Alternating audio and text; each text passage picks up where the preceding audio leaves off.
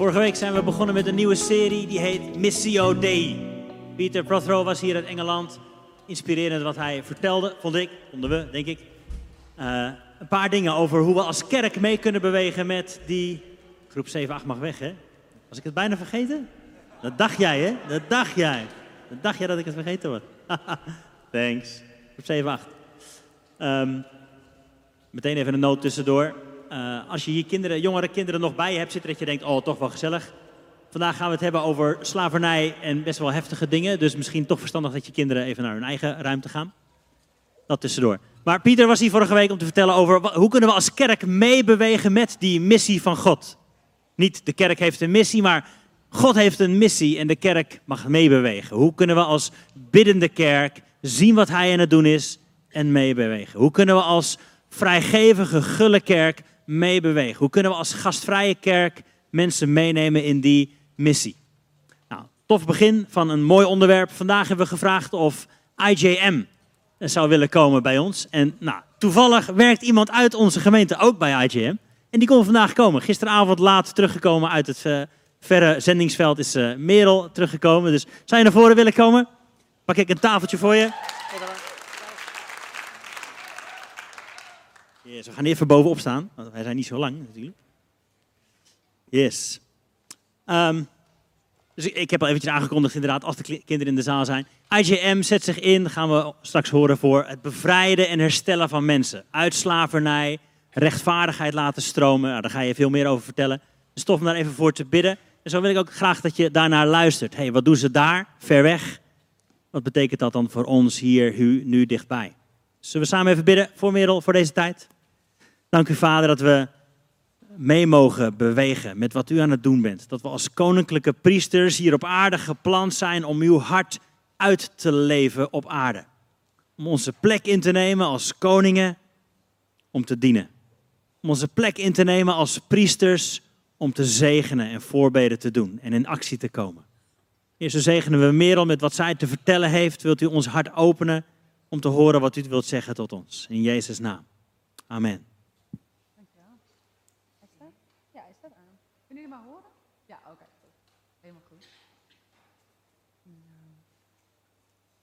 Goedemorgen.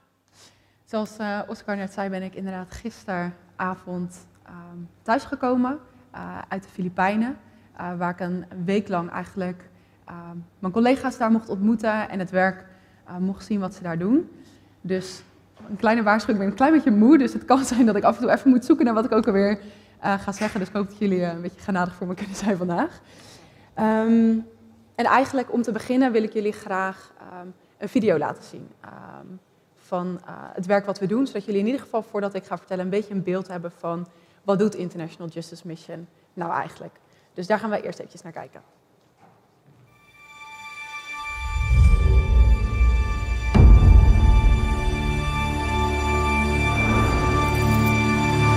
This is the target establishment. First suspect, view for our victims. And remember, if there's a hazard or dangerous situation, move yourself to a position of cover. Chief, run everything over to the police.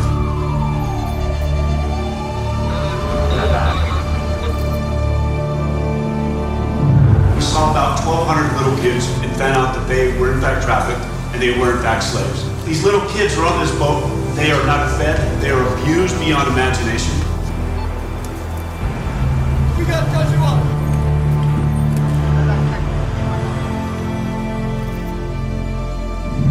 This is the girl. Whenever something like this comes, I imagine in my mind that girl is found.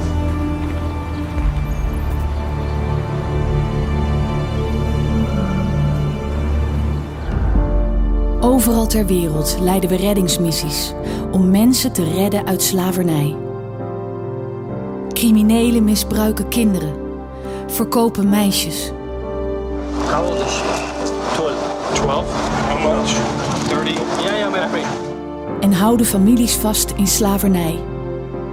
Criminelen hebben het voorzien op de meest kwetsbaren, de armsten van de wereld, omdat zij verwachten dat toch niemand het voor hen opneemt. Maar vandaag de dag streven steeds meer mensen naar recht voor hen die in slavernij leven. Wij zijn advocaten, adviseurs, activisten, en donateurs. Wij heten International Justice Mission. Samen vormen wij de grootste organisatie in de strijd tegen slavernij ter wereld. Maar slavernij zal niet stoppen totdat criminelen weten dat zij er niet meer mee wegkomen. Daarom werken wij samen met lokale politie om hen te arresteren en te vervolgen in de rechtbank. Hiermee geven wij eigenaren van slaven een duidelijk signaal. Jullie zijn niet van ons af. Wij blijven bij de bevrijde slachtoffers totdat zij zijn hersteld en echt vrij zijn. Elk jaar redden we duizenden slaven en beschermen wij miljoenen mensen over de hele wereld. We versterken rechtssystemen die de armen moeten beschermen.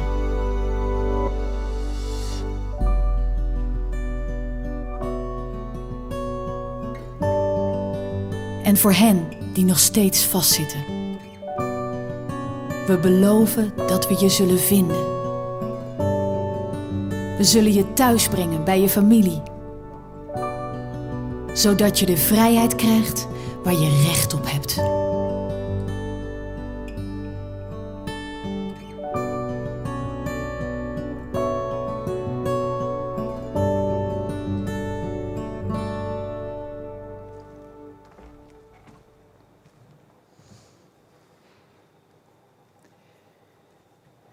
Denk dat het filmpje ehm, in ieder geval wel goed voor zichzelf spreekt over wat we doen als organisatie. We gaan naar landen over de hele wereld en werken daar samen met de lokale overheid om verschillende problemen als het gaat om moderne slavernij aan te pakken. Ehm, jullie zagen er verschillende landen voorbij komen in de video en per land uh, speelt er vaak eigenlijk wat anders. En zoals ik net al zei, ben ik afgelopen week naar de Filipijnen geweest.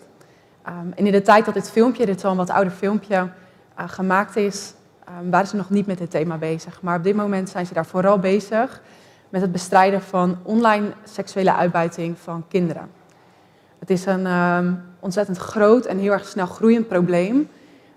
Dus ik wil jullie daar eerst even een beetje meenemen voordat uh, ik verder ga, zodat jullie een beeld hebben van wat het precies is. Als we in de Filipijnen kijken naar dit probleem, dan zien we dat er veel kinderen door hun ouders, uh, bijvoorbeeld door hun moeder of door een oom of tante of een buur, worden uitgebuit in eigenlijk de muren van het huis waarin ze veilig zouden moeten zijn. Ze worden voor de camera gezet en er wordt dan hen gevraagd om eigenlijk op aanvraag van voornamelijk westerse mannen te doen wat zij willen zien. En om jullie een beeld te geven van hoe groot het probleem is, uh, is het zo dat op elk willekeurig moment er ongeveer 750.000 mensen naar dit soort materiaal kijken. Nou, dat is, ik heb het eventjes uh, opgeschreven om je een beetje een goed beeld uh, te geven. dat betekent dat het eigenlijk op elk moment 15 keer een volle arena is. Van mensen die vanaf de veiligheid van hun eigen computer vragen aan deze kinderen, of eigenlijk aan de ouders of bekenden van deze kinderen, om en dingen te laten doen die zij willen.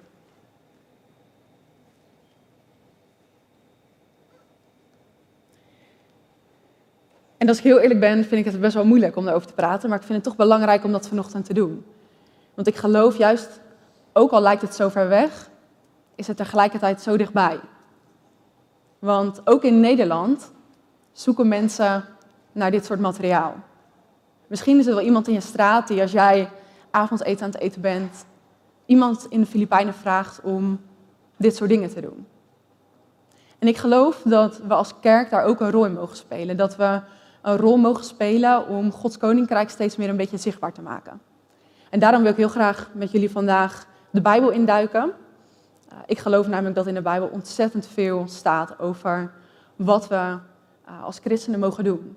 Ik weet niet of jullie een idee hebben hoe vaak in de Bijbel het uh, over gerechtigheid gaat. Ik weet niet of iemand een getal durft te noemen. Wat is de schatting? Hoe vaak? Duizend, hoor ik. Als het gaat in totaal gaat het meer dan 2200 keer in de Bijbel over gerechtigheid. En ik heb een Bijbel bij me, ik heb hem daar bij het tafeltje gelegd, waar eigenlijk alle Bijbelteksten die erover gaan gemarkeerd zijn. En als je door die Bijbel bladert, dat kan je na de dienst ook even doen als je wil, dan zul je zien dat je eigenlijk bijna je best moet doen om geen teksten te vinden over gerechtigheid en Gods hart voor gerechtigheid, dan dat je er zo makkelijk maar overheen leest. En ik vertel vandaag wat meer over de problematiek op de Filipijnen. Maar zoals jullie in het filmpje zagen, is de problematiek eigenlijk veel groter. Uh, op dit moment zitten er ongeveer 50 miljoen mensen vast in moderne slavernij. En voor je beeld is meer dan ooit in de hele geschiedenis. Terwijl je zou zeggen, slavernij is nu afgeschaft. En eigenlijk wil ik vandaag gewoon met jullie beginnen, wat ik net al zei, met de Bijbel in te duiken. Uh, en dat wil ik doen um, door te beginnen met Jezaja 61. Jezaja 61, dat is een tekst die Jezus, wanneer hij naar de tempel gaat en nou, aan de beurt is om voor te lezen uit de boekrol, voorleest. En hij zegt daar, en hij quote daarmee dus Jesaja 61, de geest van God, de Heere rust op mij. Want de Heere heeft mij gezalfd. Om aan armen het goede nieuws te brengen, heeft hij mij gezonden. Om aan verslagen harten hoop te bieden. Om aan gevangenen hun vrijlating bekend te maken en aan geketenden hun bevrijding.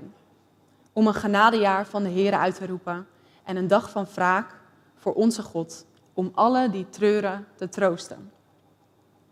En Jezus die leest deze tekst voor en dan lees je ook in Lucas 4 dat er staat dat hij de boekrol dicht deed, hij ging weer zitten en alle ogen waren op hem gericht. En toen zei hij, vandaag hebben jullie deze schrifttekst in vervulling horen gaan. En als ik heel erg eerlijk met jullie ben, als ik uh, deze tekst lees, als ik Jezus hoor zeggen, vandaag hebben jullie deze schrifttekst in vervulling horen gaan, vind ik dat soms best wel moeilijk. Vorige week mocht ik mijn collega's ontmoeten en hoorde ik zoveel verhalen van kinderen die misbruikt worden op een manier waarvan ik eigenlijk liever zou zeggen, ik wil het niet horen. Ik wil er niks mee te maken hebben. Het doet te veel pijn om dit te horen. Ik vind het te verschrikkelijk. En als ik dan Jezus hoor zeggen, vandaag is het in vervulling gekomen, dan denk ik eerlijk gezegd, hoe dan? Want dat is niet wat ik zie.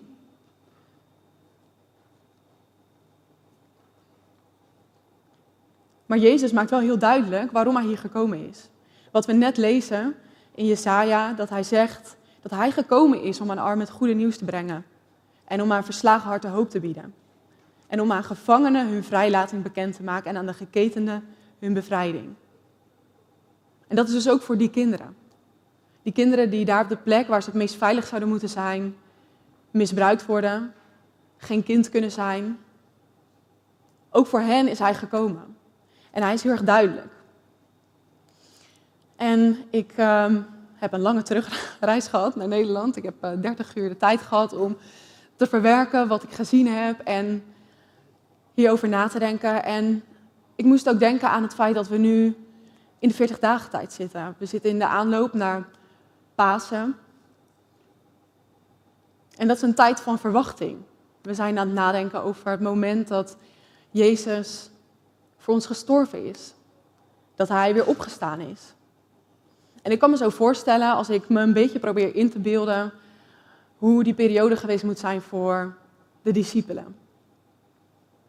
Ze hadden grote verwachtingen van wat Jezus ging doen. Ze volgden Hem en ja, wat, wat ik me zo voorstel is dat ze gedacht moeten hebben, hij gaat regeren, wat zou hij doen? En allemaal grootse plannen en voorstellingen van wat er moest komen.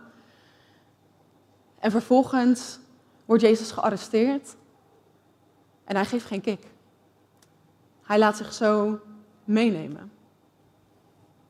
En ik kan me niet voorstellen, denk ik, hoe dat geweest moet zijn voor de discipelen, maar als ik me dat probeer voor te stellen, dan denk ik dat ze misschien wel paniek gevoeld moeten hebben, angst, maar ook teleurstelling. Ik heb zoveel tijd gegeven aan deze man waarvan ik geloofde dat hij wel de Messias zou kunnen zijn. En ineens is hij weg en valt alles in duigen. En zo voel ik me soms ook een klein beetje. Dat ik, als ik dat zie, dat ik dan denk, hè, maar u was toch gekomen om juist aan hen die geketend zijn hun bevrijding bekend te maken? Waarom zie ik dat dan niet? En voel ik teleurstelling? En wat ik heel grappig vind, is dat het soms wel bijna een beetje een patroon lijkt in het leven van Jezus. Ook als ik nadenk over wanneer hij geboren is. Er was aangekondigd dat hij zou komen en toen hij geboren werd, werd hij geboren in een stal. Hij was een baby, hij moest een schone luier krijgen, hij moest getroost worden. Jozef en Maria moesten voor hem zorgen. En het was niet toen hij hier was dat direct alles veranderde. Dat alles op zijn kop was, dat alles goed was. De, de Messias is er en er is geen lijden meer en alles komt goed. Nee, we moesten jaren wachten voordat Jezus zijn werk begon. En ook voor Maria kan ik me soms, probeer ik me in ieder geval voor te stellen dat ik denk, hoe moet dat voor haar geweest zijn? Zo'n grote belofte. En de tijd kwam er niet. De jaren gingen voorbij. En toen hij begon aan zijn werk, vroeg hij zelfs aan de mensen die zijn wonderen gezien hadden, om het stil te houden. Om het niet direct aan iedereen te vertellen. En daar probeer ik me ook aan vast te houden. Dat alleen hij weet wat de goede timing is. Ook op momenten dat ik denk, waarom is dit nodig? Waarom zitten deze kinderen hier vast? Waarom zijn er mannen uit landen zoals Nederland die denken dat het oké is om kinderen op zo'n manier te misbruiken? Ik kan dan niet begrijpen dat God niet zo ingrijpt en zorgt dat deze kinderen dat niet hoeven te voelen. Maar misschien hoef ik dat ook niet te begrijpen. En misschien mag ik ook vertrouwen dat God degene is die weet wat de goede timing is. En dat Hij degene is die weet wanneer het moment is. En gelukkig is het niet zo dat als ik al die verhalen hoor, dat het alleen maar duisternis is. De afgelopen week begon voor mij vaak met een diep dal met veel moeilijke verhalen. Maar door de week heen zag ik ook steeds meer juist dat koninkrijk van God doorbreken. En zag ik een beetje licht in het duister. Dinsdag was ik met mijn collega's gaan rijden door de buurten. Ik was in Cebu. En er zijn daar een aantal plekken waar ontzettend veel kinderen uitgebuit worden. De plekken staan er onbekend dat ontzettend veel bevrijdingsoperaties gedaan worden. Ehm, en er is veel armoede, er zijn veel kinderen waarvan je eigenlijk weet als je daarheen gaat. daar is waarschijnlijk ergens in deze wijk is op dit moment iemand een live show aan het doen voor een Australische, Duitse, Nederlandse man. En ik reed daar en we waren onder andere met uh, onze undercoveragenten en ze wezen aan, dat is een huis, het verhaal wat jullie veel gebruiken in Nederland om mensen te vertellen over ons werk. Dat is het huis waar hij is uitgebuit. En dat was zo moeilijk om te horen, want voor mij, ik hoor deze verhalen heel vaak um, tijdens het werk. Maar soms is het dan ook best wel makkelijk om te denken, het is een verhaal, het is mijn werk, oogkleppen op, ik laat het niet binnenkomen. Maar toen ik dat huis zag en in de wijk rondreed waar dat was gebeurd, kwam het zo binnen. De vader van dit jongetje, hij was drie jaar oud, was een Duitse man die getrouwd was met een Filipijnse vrouw. En op die manier had hij vrij toegang tot zijn biologische zoon en de twee halfbroertjes en zusjes van deze jongen. En toen we uit deze wijk kwamen, gingen we naar een rechtbank. En werd er verteld hoe de zaken daar worden voorbereid en hoe dat normaal gesproken in zijn werk gaat. En we liepen naar een aparte kamer die speciaal gemaakt is voor kinderen omdat de zaken daar eigenlijk altijd in die ruimte worden behandeld. Het is een ruimte zodat de kinderen via videoverbinding in de rechtszaak aanwezig kunnen zijn. Zodat ze niet oog in oog hoeven te staan met degene die hen heeft uitgebuit. En ik heb ook een foto daarvan, die, komt uh, hierachter. Deze foto heb ik gemaakt en toen ik deze ruimte zag, toen brak mijn hart eigenlijk echt.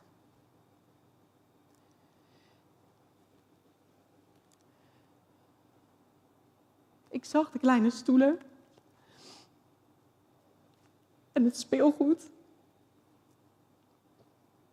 En toen pas besefte ik me hoe jong deze kinderen zijn. En hoe groot contrast het is met als je hier opgroeit in Nederland en de ruimte hebt om te spelen en te ontdekken wie je bent en grote dromen. En deze kinderen komen hier om in ieder geval in nog een ruimte die wat veiliger voelt te vertellen wat hen is aangedaan.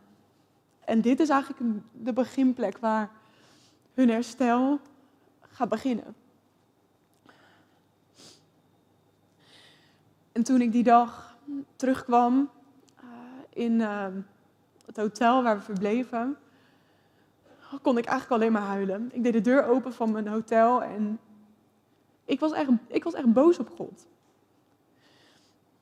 Ik begreep niet waarom, waarom moet dit gebeuren? Waarom grijpt u niet in op momenten als deze?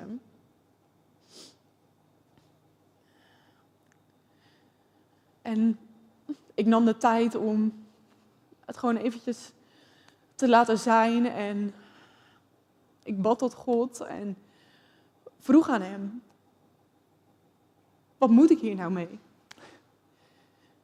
Wat moet ik met wat ik net gehoord heb? Hoe kan ik dit een plek geven en hoe kan ik u daarin vertrouwen? En ik deed mijn Bijbel open en ik vroeg God om te spreken. En toen las ik deze tekst uit Romeinen 8, waarin staat: Ik ben ervan overtuigd dat het lijden van deze tijd in geen verhouding staat tot de luister die ons in de toekomst zal worden geopenbaard.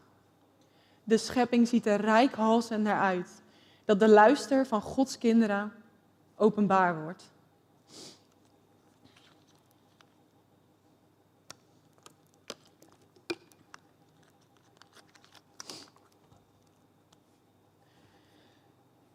En dit geeft me eigenlijk zoveel hoop als ik dit lees.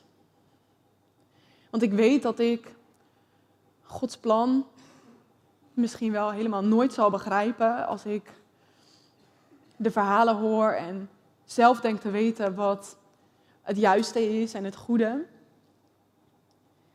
Maar ik mag ervan overtuigd zijn dat het lijden wat daar nu gebeurt, wat die kinderen wordt aangedaan, in geen verhouding zal staan tot de luister van God die ons in de toekomst geopenbaard zal worden.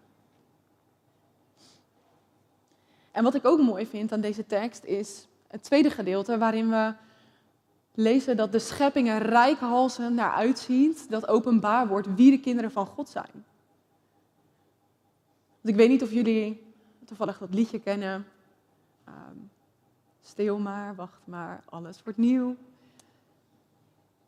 En als ik dit lees, denk ik helemaal niet stil maar, wacht maar, alles wordt nieuw. Ik denk alles wordt nieuw. En wij mogen gaan laten zien dat wij de kinderen van God zijn. Wij mogen de luister van God openbaar maken aan de wereld. Want toen Jezus voorlas uit Jesaja 61, zei hij niet, de schriftlezing die jullie net hebben gehoord, komt bijna tot vervulling, nog even wachten. Nee, hij zei, nu is dit werkelijkheid geworden. Hij is gekomen om aan de arme mensen bevrijding te bieden, aan om degenen die geketend zitten hun vrijlating bekend te maken. En het koninkrijk van de hemel is niet iets waar we op moeten wachten. Stil maar, wacht maar. Nee, Jezus die geeft ons door zijn leven een voorbeeld hoe dat koninkrijk hier en nu zichtbaar mag worden. En dat is hier dichtbij in ons eigen leven of ver weg.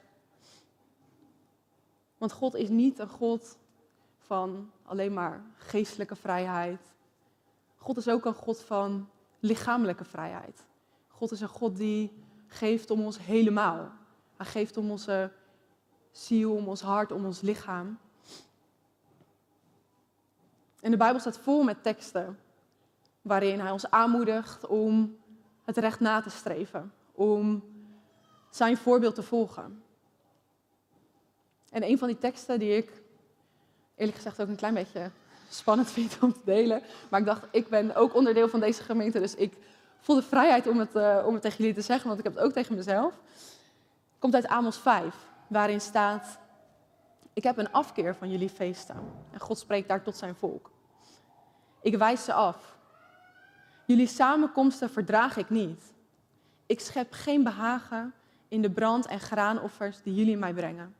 De vetgemeste beesten van jullie vredeoffers keur ik geen blik waardig.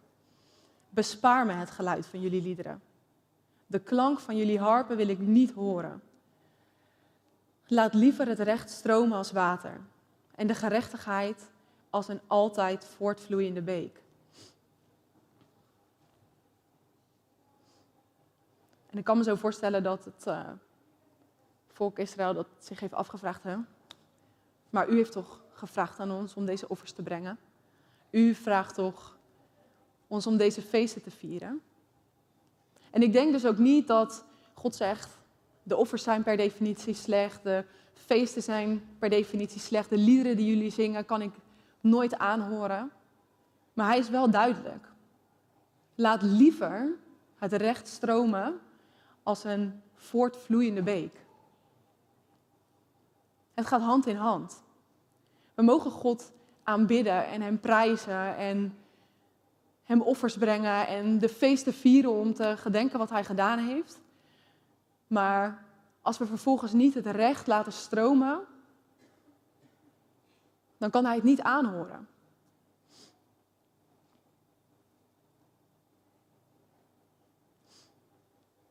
En ik kan me voorstellen dat als je dit hoort en denkt, maar wat kan ik dan doen?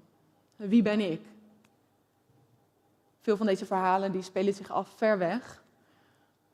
En komen misschien niet in ons dagelijks leven heel veel naar voren.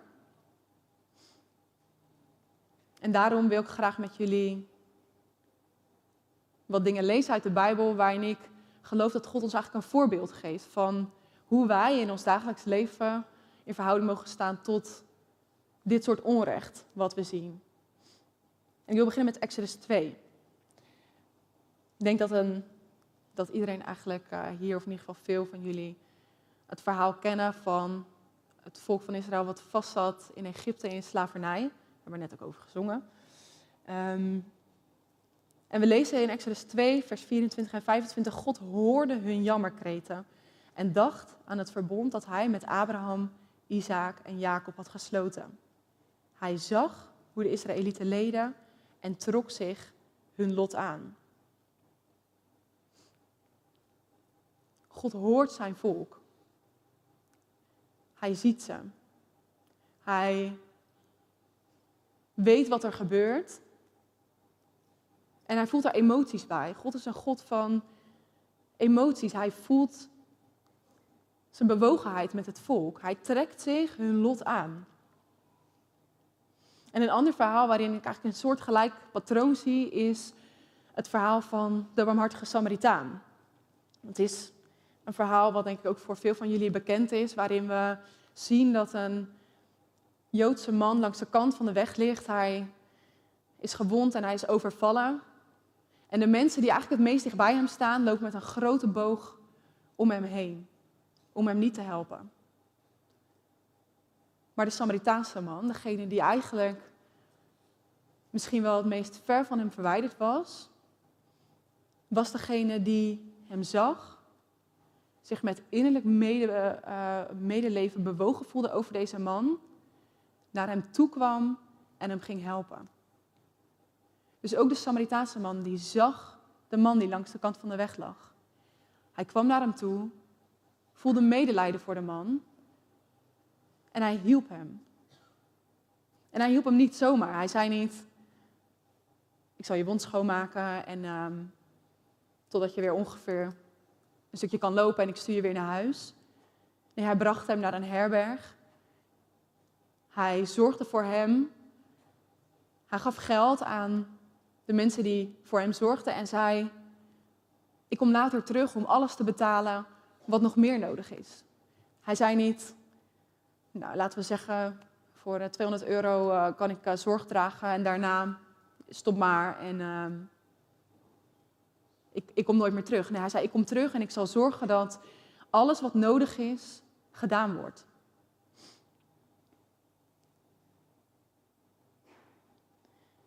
En ik denk als we kijken naar wat we zien bij deze twee verhalen, het eerste deel, dat we de ander zien en dat we met medeleven bewogen zijn. Dat dat een vraag is die we ook aan onszelf mogen stellen.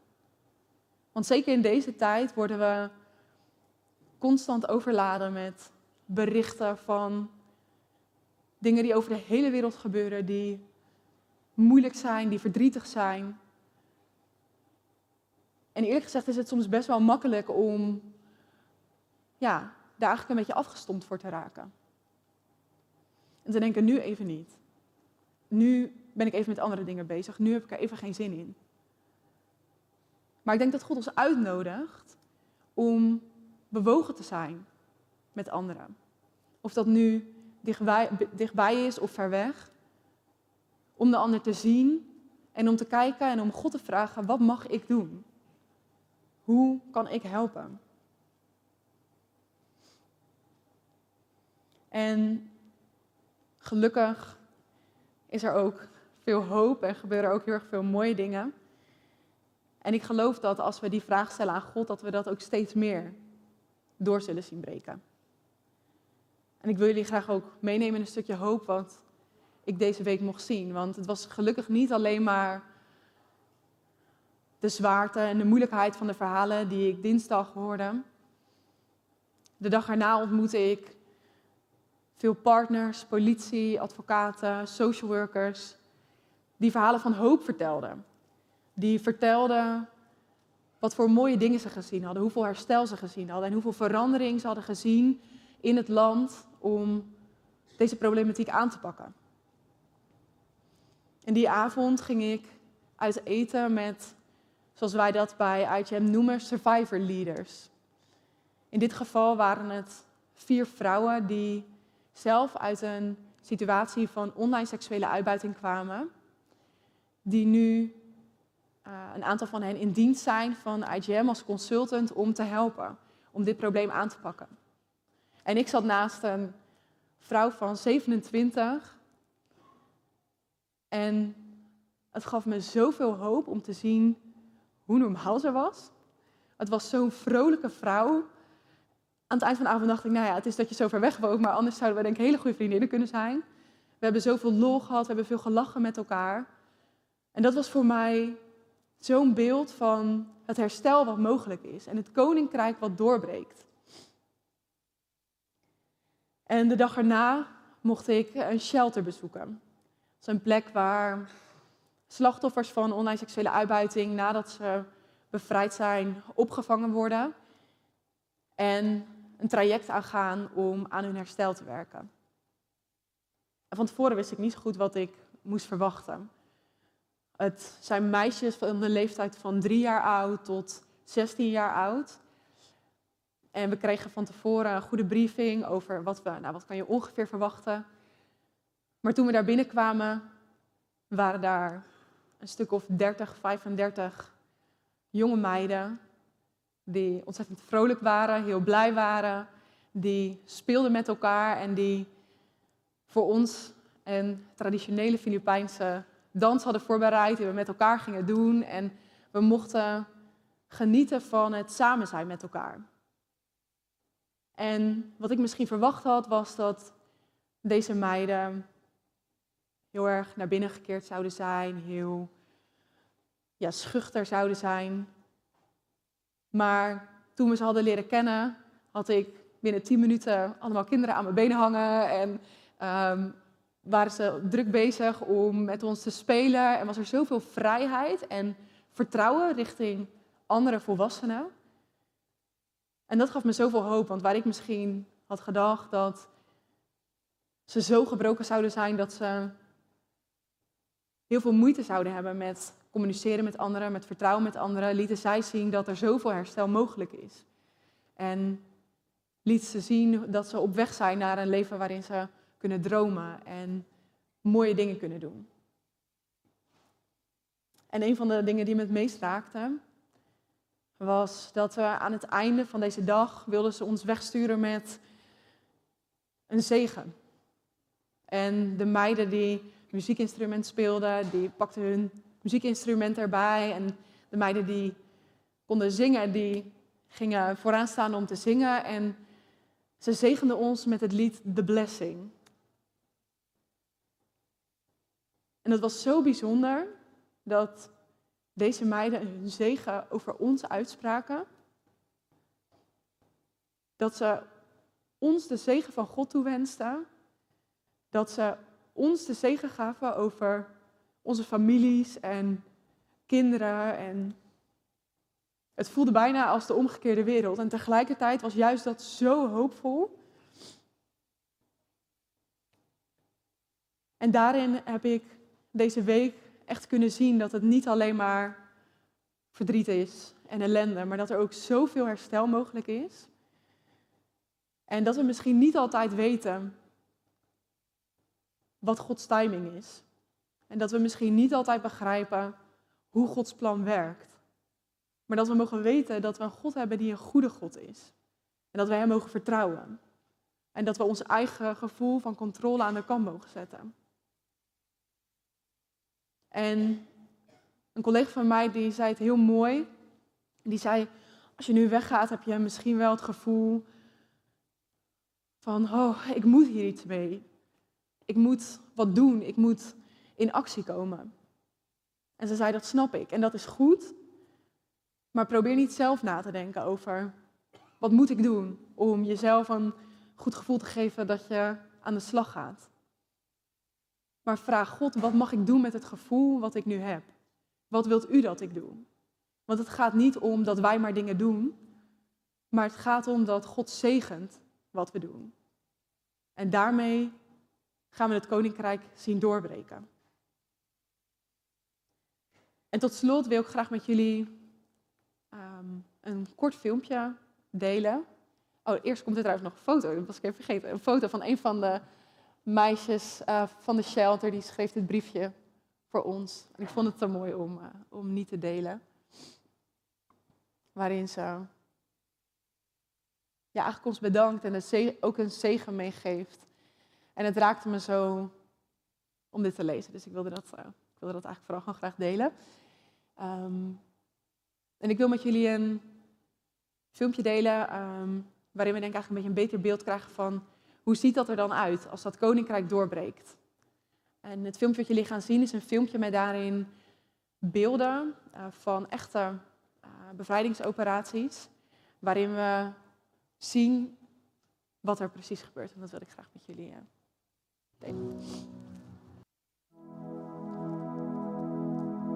Ik zou graag um, nog willen afsluiten met wat kan je nou eigenlijk doen?